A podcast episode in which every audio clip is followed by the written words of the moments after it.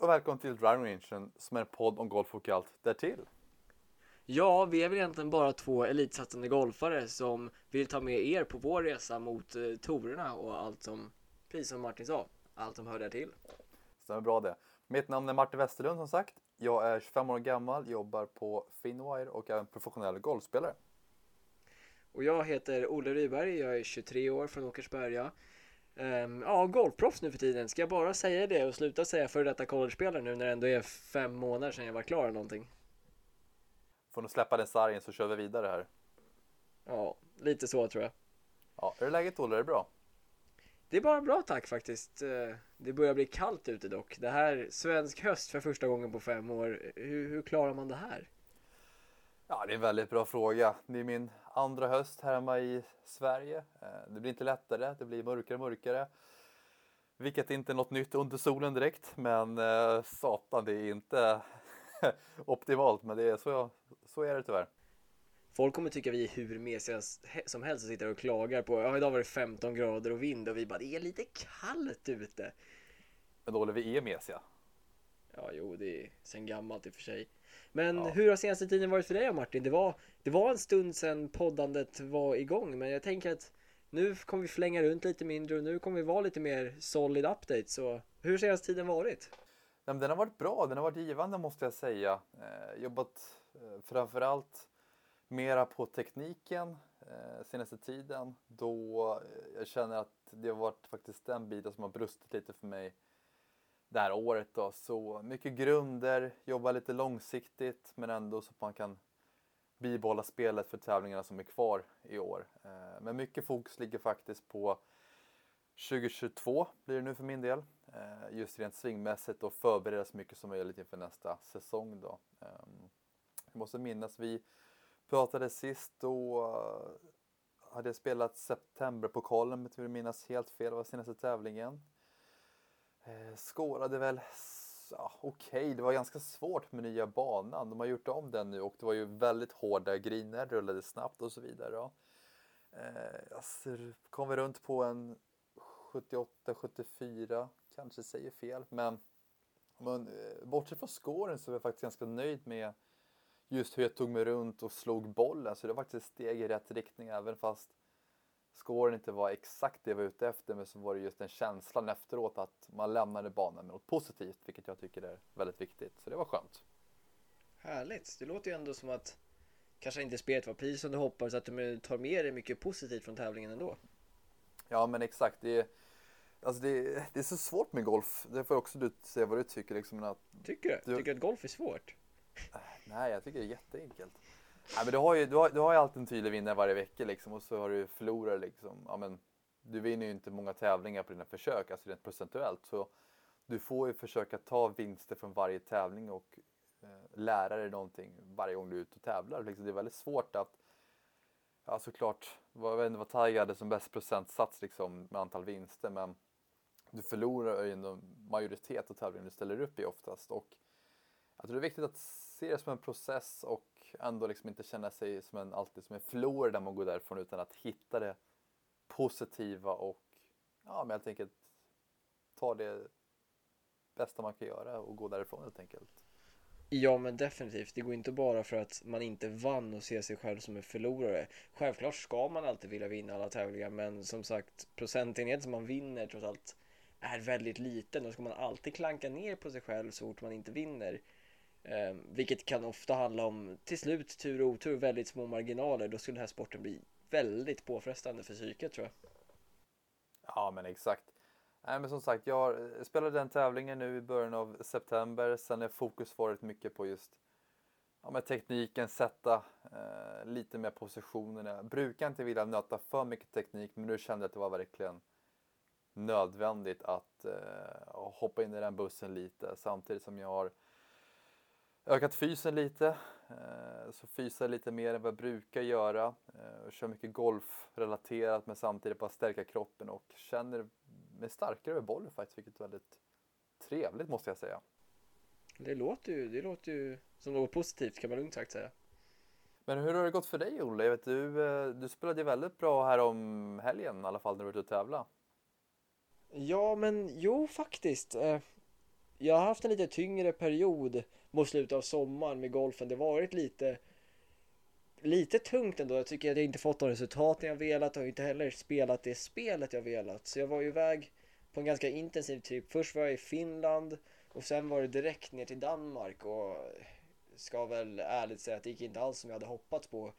Ingenting att komma hem och hänga julgranen i alla fall. Eh, men så spelade jag då förra veckan på Mälarö.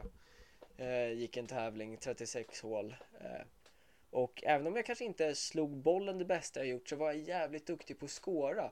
Och spelade smart efter mina styrkor och svagheter. Så sköt eh, 71-69 sköt jag för minus 4 totalt och kom på en ensam andra plats eh, ett slag efter vinnaren.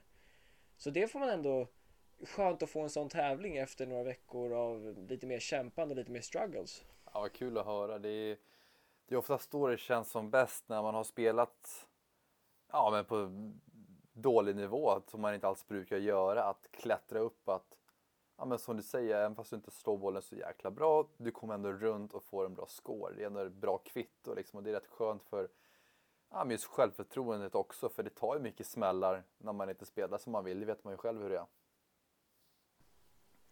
Definitivt. Äh, det, är mest, det som jag är mest nöjd med var att jag gick i sista boll och jag visste vart alla runt mig låg. Um, och jag låg ett gäng slag efter ledaren inför sista nio för han spelade väldigt bra första nio. Så, men så ja, men kände jag att lägga till en, in en till växel så sköt Boggefri minus tre sista nio då på tävlingen och låg bara ett slag efter inför sista vilket tyvärr stannade på. Men det är jag väldigt nöjd efter för det är någonting jag har kämpat med tidigare på tävlingar och lyckats avsluta på ett starkt sätt. Men nu känns det som att jag både vågade vara aggressiv men ändå vänta ut eh, mina bra chanser och inte försöka stressa någonting. Och, ja, men det är jag väldigt nöjd med faktiskt, att jag lyckades avsluta på det sättet. Ja, men det är lite som vi snackar om just att ja, men äga processen, att ta, alltså processen innebär också, ja, men som sagt, ta ett slag i taget och ja, men, som, ja, men vara i stunden också som vi pratat om väldigt mycket om tidigare. Så ja, men kul att det känns bättre och att eh, tåget är på väg mot den destinationen du vill och inte Haparanda. ja, men, ja men verkligen, det känns som nu är vi tillbaka på en uppåtgående trend i alla fall och det är alltid kul. Det är köprek på Oles aktie just nu för alla som lyssnar. Precis. Men vad, vad är nästa för dig då Martin? Vad, vad är nästa tävling eller happening? Lira kvalet nästa vecka som eh, går på Västerled, vår eh, hemmaklubb Österåker. Eh, sjätte, sjunde blir det för min, min del.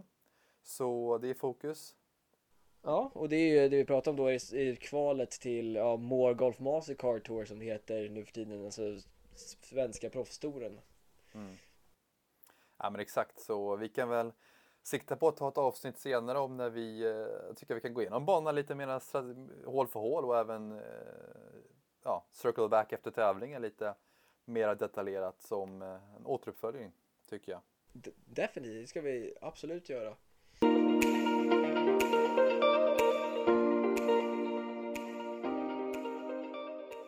Men Västerled i all ära, vi har ju varit i Wisconsin i helgen. Exakt, vi kanske ska elefanten i rummet, vi kanske ska prata om den nu. Ryder Cup 2020 som gick av stapeln 2021. Ja. Vad är dina första reaktioner? Ja, oh, shit. Ja, nej det är... Alltså, det är jävligt bra och ändå jävligt dåligt. Alltså, jag älskar tävlingen i sig, att det är så stort och ja, men man får se alla storspelare, du får se fantastisk golf, tuff jäkla bana.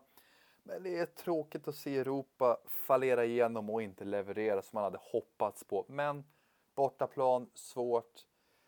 Amerikanerna spelar jäkligt bra. Det är bara Eh, skaka hand och säga grattis, eller vad säger du? Ja, jo men definitivt.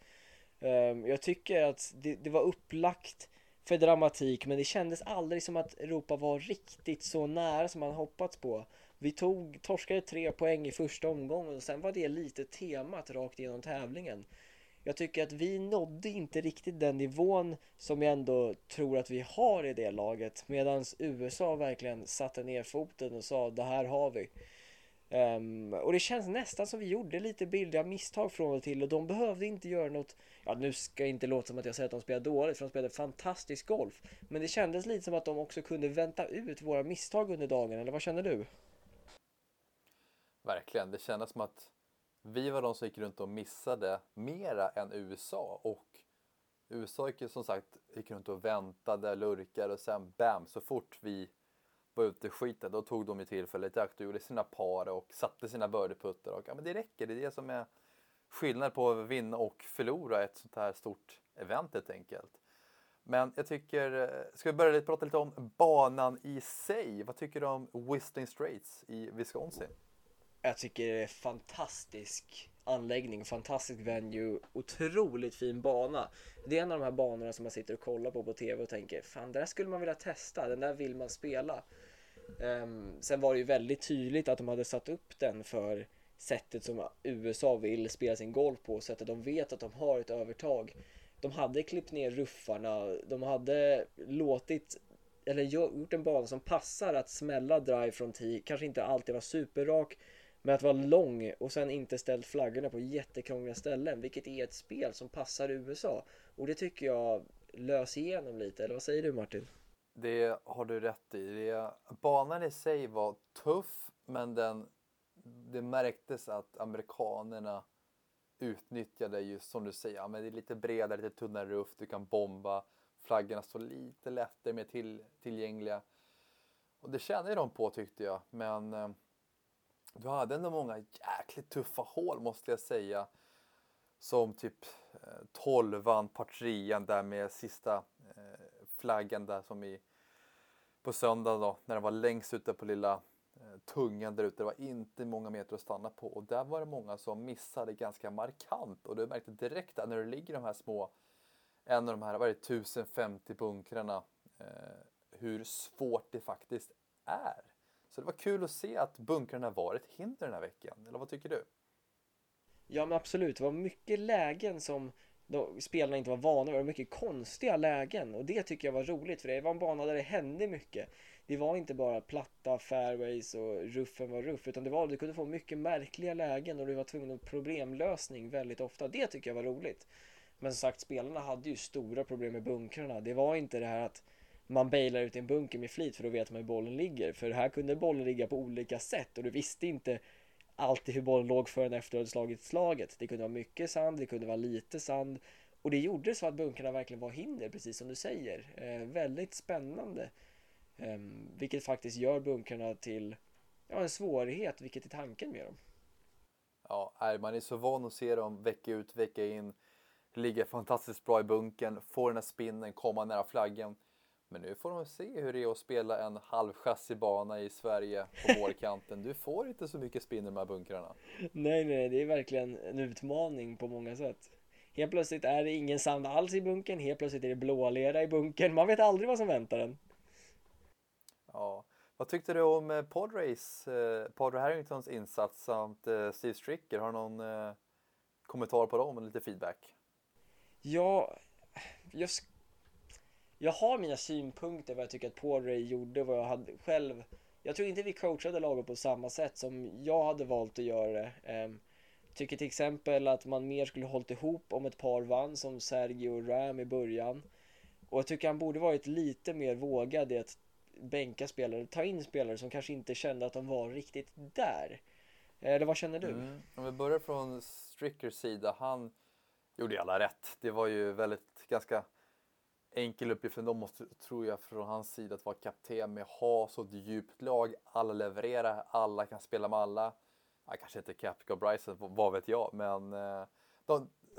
de gick ut nu i en intervju och sa att de faktiskt ville spela med varandra. Tror du på det eller tror du bara det är PR? Jag hoppas på det, det vore jävligt kul. Det lockar många tittare tror jag till Brysons YouTube-kanal. Det hade det säkert. Nej men alltså, de sa det att de ville, de vill, Youtube-kanalen.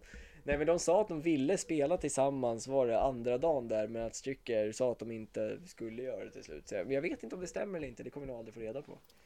Nej, Nej men det, som sagt jag tror den här fejden mellan dem är jäkligt uppblåst i media så jag tror inte, alltså visst de är inte varandras bästa kompisar och de tycker lite si och så men jag tror inte så illa som alla tycker. Jag tror säkert, alltså just från den själva att ha den där lilla fejden. Det är lite, det är lite bad boys, alltså varning på dem. Jag tror, jag tror nästan de gillar det lite, eller vad tror du? Ja men definitivt. Hade de inte velat det krävs ju ändå lite energi i hela det här brå, eller så kallade bråket de har och de kastar lite skit på varandra. Men jag tror också att de båda njuter lite av det. De tycker att det är lite kul. Det är lite boxning liksom. Eh, definitivt. Och båda får ju upp mer PR runt varandra eller runt sig själva och mycket mediatid. Och det är ju inget som eh, inte gynnar båda spelarna egentligen. Nej men exakt. Det är, det är intressant ämne och jag tror som sagt media har gjort sitt och blåsa upp det lite men till deras, alltså till deras fördel nästan vill jag säga ändå. Eh, på något konstigt sätt. Men eh, ja, till Paul då, alltså.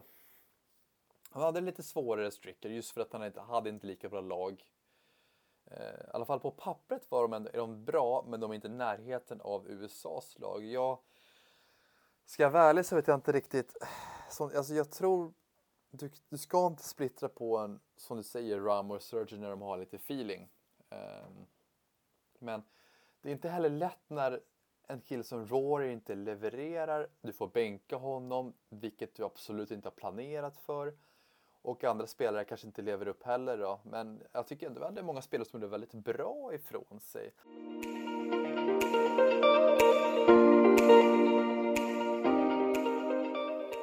Yes, men vi tycker vi går in och pratar lite om spelarna här då. Eh, vi kan väl ta upp de vi tycker har presterat bra och de som eh, ja, vi förväntar oss lite mer av faktiskt. Ja men definitivt, lite ska vi ändå ge dem lite betyg för deras prestationer tycker jag. Mm. Ska vi börja med USA eftersom de vann då? Vilken tycker du, vilken spelare tycker du presterade bäst i deras lag? någonting som jag var fantastiskt imponerad över som kanske inte var jättestark första gången är Scotty Schefflers sista match mot John Rahm. Helt otroligt vad han kom ut med ett mission där att verkligen ta ner Rahm. Så det är en stor hiss för mig. Ja, men det där är, det kan jag hålla med om. Eh, han spelade riktigt bra. Ja, men jag måste säga, alltså. Jag tycker inte att Cantley gjorde väldigt bra eh, av sig också den här tävlingen. Just att det kommer in the player of the year spelat fantastiskt bra golf, behåller lugnet och ja, men går ut och verkligen gör sin sak, plockar hem sina poäng. Ja, och verkligen spelar sitt spel. Jag är bara imponerad över hur han tar sig runt på banan måste jag säga. Definitivt, det känns som en kille som aldrig gjorde de här stora missarna. Det hände inte några sådana här oj vad hände där moments med honom. Man visste vart man hade honom och det var ofta mitt i fairway. Mm, ja men exakt, slår ju riktigt bra och som sagt vann tre, fyra matcher, delade en. Liksom han plockade sina poäng, gjorde mycket av det han skulle tycker jag. Så, eh, och han visar inte så mycket känslor ute på banan. Så jag är imponerad över hur han eh, spelar och tar sig runt banan. Inte alltid jättemärkvärdigt men det, jag tycker sticker ut lite på alla smådelar i spelet. Så jag är imponerad över han, hans insats i Ryder Cup här då. Någon mer som vi måste ta upp också tycker jag i amerikanska laget, Dustin Johnson och sättet han levererade på. Han var, vilken maskin! Det var bra drivar, det var bra inspel och drog in hel massa puttar alltså. Det var ja. imponerande att se, det ska man minst sagt säga. Ja, nej verkligen. Han, eh, det känns som att vi kan nästan prata om alla spelare i USA i deras lag. Att de verkligen bidrog och presterade bra. För alla spelade bra känns det som. Ja, det är, det är faktiskt sant. Det är få som jag säger att nej det där var inte bra. Det kanske, Jordan Speed hade jag förväntat mig mer av. Han går fortfarande utan att ha vunnit en enda singelmatch i Ryder Cup. För han spelade lika nu mot Tommy Fleetwood. Men bortsett från det, jag tycker att jag förväntar mig mer av honom faktiskt. Ja, det kan jag hålla med. Men eh, som sagt, det är svårt att ha 12 av 12 spelare prestera på topp vecka ut här. Så det, Definitivt. Ja, men ska vi chilla över kontinenten och eh, kolla lite på Europa då? Det kan vi göra. Har du någon spelare som du vill hissa till skyarna? Det är väl två stycken som imponerade på mig den här veckan. Ehm, det är John Ram och, eh, och Shane Lowry. Sättet de verkligen drog i puttar när det behövdes och kändes som de ändå vevade igång laget lite, trampade igång sina spelare. Det är jag fantastiskt imponerad över. Både Shane i sin match när han spelade med Tyrell där inför sista varvet, när han slänger i ett gäng puttar var de sista var den 3,5 meter för att ta en poäng. Och nej, jag tycker han var fantastiskt kul att titta på. Det var mycket känslor i hans spel. Och samma sak med John Rahm, alltså den killen kan spela golf. Att vara som världsetta och ändå känna pressen och leverera så bra som han gjorde. Ja, det är hatten av i mina mm. Ja, det är, Jag håller med. De, de presterade verkligen väldigt bra. Men eh, en till spelare jag vill lyfta faktiskt Bernt Wiesberger. Första Ryder Cup. Eh, vann inte så jättemycket av matcherna men presterade ändå väldigt, alltså spelade väldigt fin golf. Man får tänka på, han är ju ganska långt ifrån den här världstoppen som jänkarna höll på den här tävlingen då. Så, och ändå presterar så pass bra på bortaplan som sagt. Eh, jag måste bara säga han imponerad. Så många väldigt, väldigt bra slag och eh, ja, jag tror han ändå njöt ganska mycket av den här upplagan även fast han kanske inte vann alla matcher då. Ja men definitivt, han ska ha en eloge. Han är, jag tror han är 60 eller runt där 62 på världsranken senaste gången jag kollade. Uh, och inte purung heller, han är 36 om jag inte missminner mig. Um, och ändå att kliva in i ett sånt här mästerskap och göra det så pass starkt, nej, det är hatten av. Men också en fråga måste ställa. Hur bra hade Viktor Hovland kunnat vara den här veckan om man hade haft lite mer puttar som trillade i på green? Ja, han hade ju som sagt vunnit sista matchen mot Morikawa, det tror jag definitivt. Men som sagt mycket om eh, och så, men det, det är mycket oflyt, mycket nära. Men det kändes som många europeer läste puttarna lite, lite off. Den känslan fick jag när jag kollade på just när vi var på puttinggrinen då. Det var mycket som var så här precis förbi, nära och så vidare. Medan jänkarna, ja, de puttar bättre overall måste jag säga. Ja, det känns som att det var ett genomgående tema nästan att européerna inte läste puttarna rätt. Eller i alla fall, de trodde att de läste rätt, men det var många reaktioner som sa att de föll annorlunda än vad de trodde. Även om de slog en bra putt så verkade de förvånade när puttarna väl hade slagits. Det är känslan jag fick av det. Ja, är det...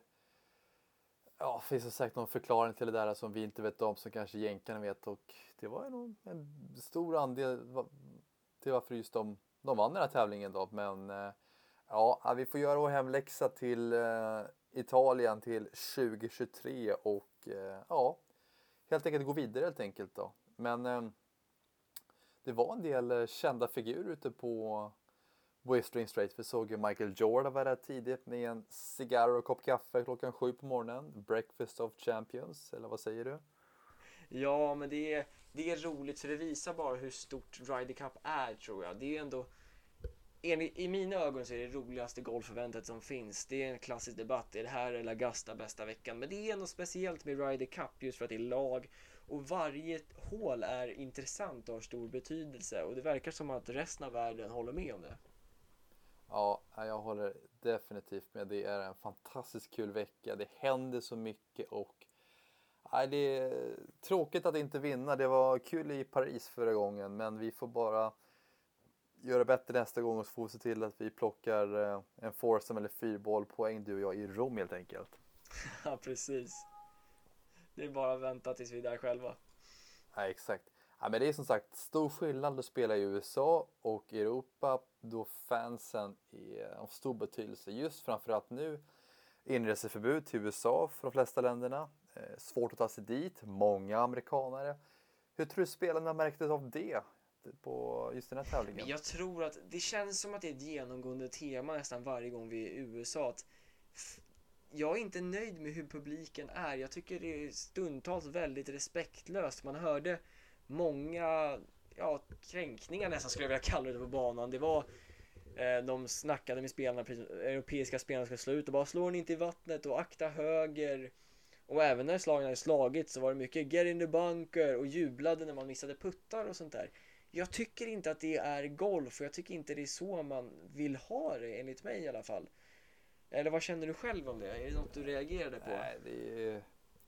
Ja, definitivt. Jänker och några Michael Abaltra är ingen bra kombination. Då har du inte en gentleman kan jag säga det. Det är grisigt och eh, ja, de ser bara sig själva. Jag, jag, jag. Så nej, vi pratade om det innan podden nu. Nästa gång det är i USA så är det ju på Bethpage och nära New York och den publiken är ju inte känd för att, hur ska vi formulera det här då, eh, vara trevliga helt enkelt. Nej, nej, nej, de är ju kända för att vara väldigt så framåt och gapiga. Och det, nej, det kommer vara spännande kan vi minst sagt säga. Eh, och se hur, hur tävlingen hanterar det och hur spelarna hanterar det. Ja, verkligen. Eh, en grej vi måste bara ta upp, jag tycker det är väl att nämna, är faktiskt Brysons drive. Hur sjukt lång den var på hål 5. Ja, den är, den är faktiskt helt galen. Det kan man inte säga något annat Ja, men liksom det, det är denna dimension. Det, han, det ser bra ut inför långdriving-tävlingar måste jag säga. Eh, ja, det kan man lugnt sagt säga. Vi får ta det i nästa podd också och berätta lite hur, hur det gick för den här tävlingen och eh, om han eh, fäster det för hårt eller inte på Ryder Cup eller inte. Det återstår att se. Ja, det där är spännande. Visst, det var, jag kommer inte ihåg vilka det var, om det var No Laying Up som pratade om det i sin podcast just. Hur mycket tror du att han tränade för långdragningstävlingen nu under Ryder Cup? Och var det att, för han, det är ju en viss annan sving man har, det är mer aggressivt och han lär ju inte ha lagt av med den träningen helt under den här veckan. Så tror du att han kan ha stått på kvällstimmarna och bara hystat på rangen? Ja, men jag såg ju någon bild i lördags kväll eh, efteråt när de hade spelat att han stod kvar på ranchen själv. Dock så slog jag, då var någon video han slog i järn, men jag kan ju bara tänka mig att det var en och en annan gamla Vettan som fick flyga på den här ranchen. Garanterat, det kan man minst sagt tro. Ja, nej, jäkligt rolig figur tycker jag. Även om han, många inte tycker om honom så försöker han något nytt och jag tror någonstans så är det lite framtidens spelare att just att kunna slå så långt och sen vässa till närspelet och ha den puttningen han har, då är du bra på golf. Definitivt, det kan man lugnt sagt säga. Men, ja. Men märkte du eh, eh, på slutet i alla fall eh, så var det något annorlunda än sist. Nu var det mer att de gick på grinen och tackade varandra med en, eh, ett handslag, vilket man inte gjort tidigare. Och det, det måste jag säga, det var positivt jag fick med mig den här veckan, just att det avslutades på ja, men lite mera som golf ska vara, lite mer gentlemansport, att det är ja, men på ett schysst sätt, även om de verkligen körde över européerna. Eller vad säger du? Eh, nej men absolut, jag tycker det är fantastiskt fint att se. Eh, just den lilla gesten bara att i slutet av dagen så är de alla vänner och att det ändå bara är en sport, eller bara och bara. Men just att de inte är fiender eller ovänner på riktigt.